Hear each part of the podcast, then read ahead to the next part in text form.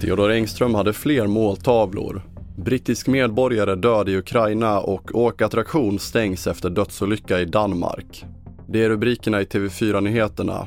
Men vi börjar med att 32-årige Theodor Engström som misstänks för mordet på Ingmarie Wieselgren under Almedalsveckan hade andra offer och måltavlor i sikte.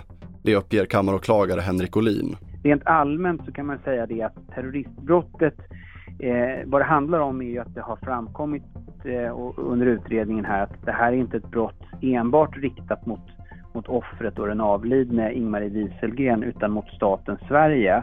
Eh, det är så att terroristbrottet är uppbyggt så att det behövs ett grundbrott, i det här fallet mord, men dessutom tillkommande eh, omständigheter. Gärningen ska ha kunnat allvarligt skada Sverige och det öppna samhället. Det sa alltså kammaråklagare Henrik Olin. Och en brittisk medborgare som varit tillfångatagen av ryskstödda styrkor i Donetskregionen har avlidit, det uppger ryska medier. Den brittiska mannen tillfångatogs i Donetsk och separatiststyret anklagar mannen för att ha stridit som legosoldat. Men hjälporganisationer har beskrivit mannen som en biståndsarbetare som reste till Ukraina för att ägna sig åt volontärarbete.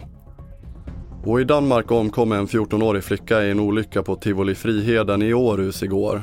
Flickan åkte berg och dalbanan Kobra när vagnen hon åkte i lossnade och attraktionen stängs nu permanent. Det meddelar Nöjesparkens styrelse. Men Annika Troselius som är informationschef på Park and Resorts med nöjesparker i Sverige menar att du inte behöver vara rädd för att besöka nöjesparker i sommar. Jag vill verkligen poängtera att säkerheten är ju det absolut allra viktigaste för oss. Det finns ingenting som kommer före det. Och först och främst så måste vi få tillstånd att öppna varje år. Och inför att vi får öppna så gör vi också kontroller med en oberoende besiktningsman som noggrant går igenom alla attraktioner innan vi får ens tillstånd att öppna dem. Men sen gör vi också, våra egna tekniker gör ju kontroller på attraktionerna varje dag inför öppning innan vi eh, öppnar en attraktion. Det sa alltså Annika Troselius, informationschef på Park and Resorts. Fler nyheter hittar du på tv4.se. Jag heter André Meternan Persson.